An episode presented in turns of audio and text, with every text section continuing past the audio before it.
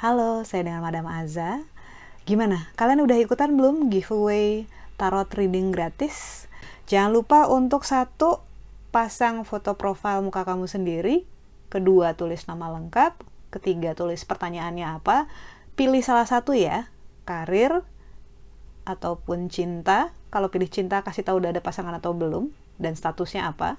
Dan ataupun general. General itu terserah semesta mau membukakan apa kartu buat kamu. Untuk info lebih lengkap bisa lihat yang ada di deskripsi di bawah ini.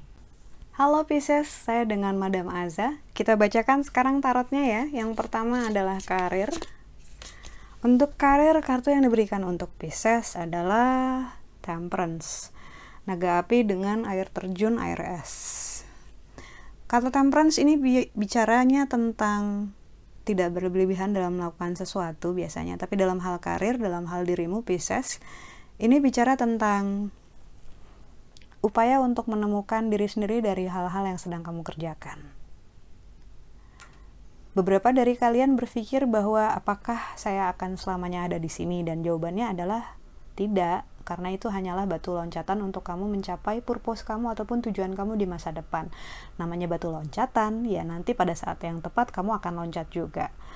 Dan beberapa dari kamu juga merasa bahwa sudah saatnya pindah skill, pindah uh, bidang kerja gitu industri dengan mengubah skill kamu juga memperdalam skill yang lain dan ya lakukan saja seberapapun berbeda ataupun aneh itu mungkin buat orang lain. Masa awalnya ngerjain A terus tiba-tiba ngerjain B? Ya it's okay it's your life anyway. Ini kan hidup kamu juga ya.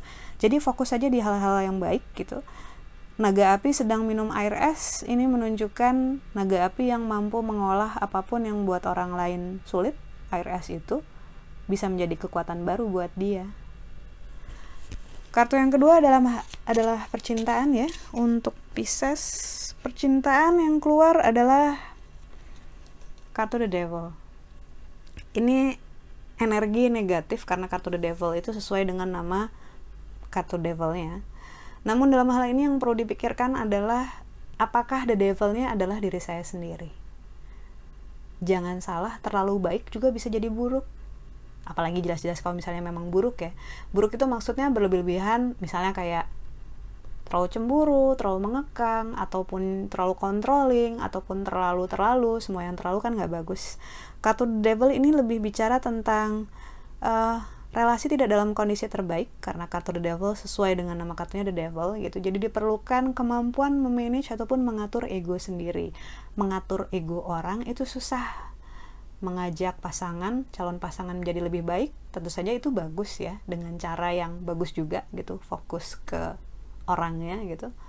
Bukan cuma tujuan akhir karena itu bisa jadi ofensif gitu. Namun kartu the devil yang paling utama di sini energinya adalah tentang diri sendiri. Seberapa jauh kamu sudah berubah karena ingin mengupayakan sebuah relasi yang belum tentu itu yang terbaik untuk kamu lewat cara yang seperti ini ya. Jadi yang diperlukan adalah introspeksi. Jangan sampai kita jadi the devilnya tanpa kita sadar. Kartu yang terakhir adalah kartu nasihat. Kartu nasihat The Tower.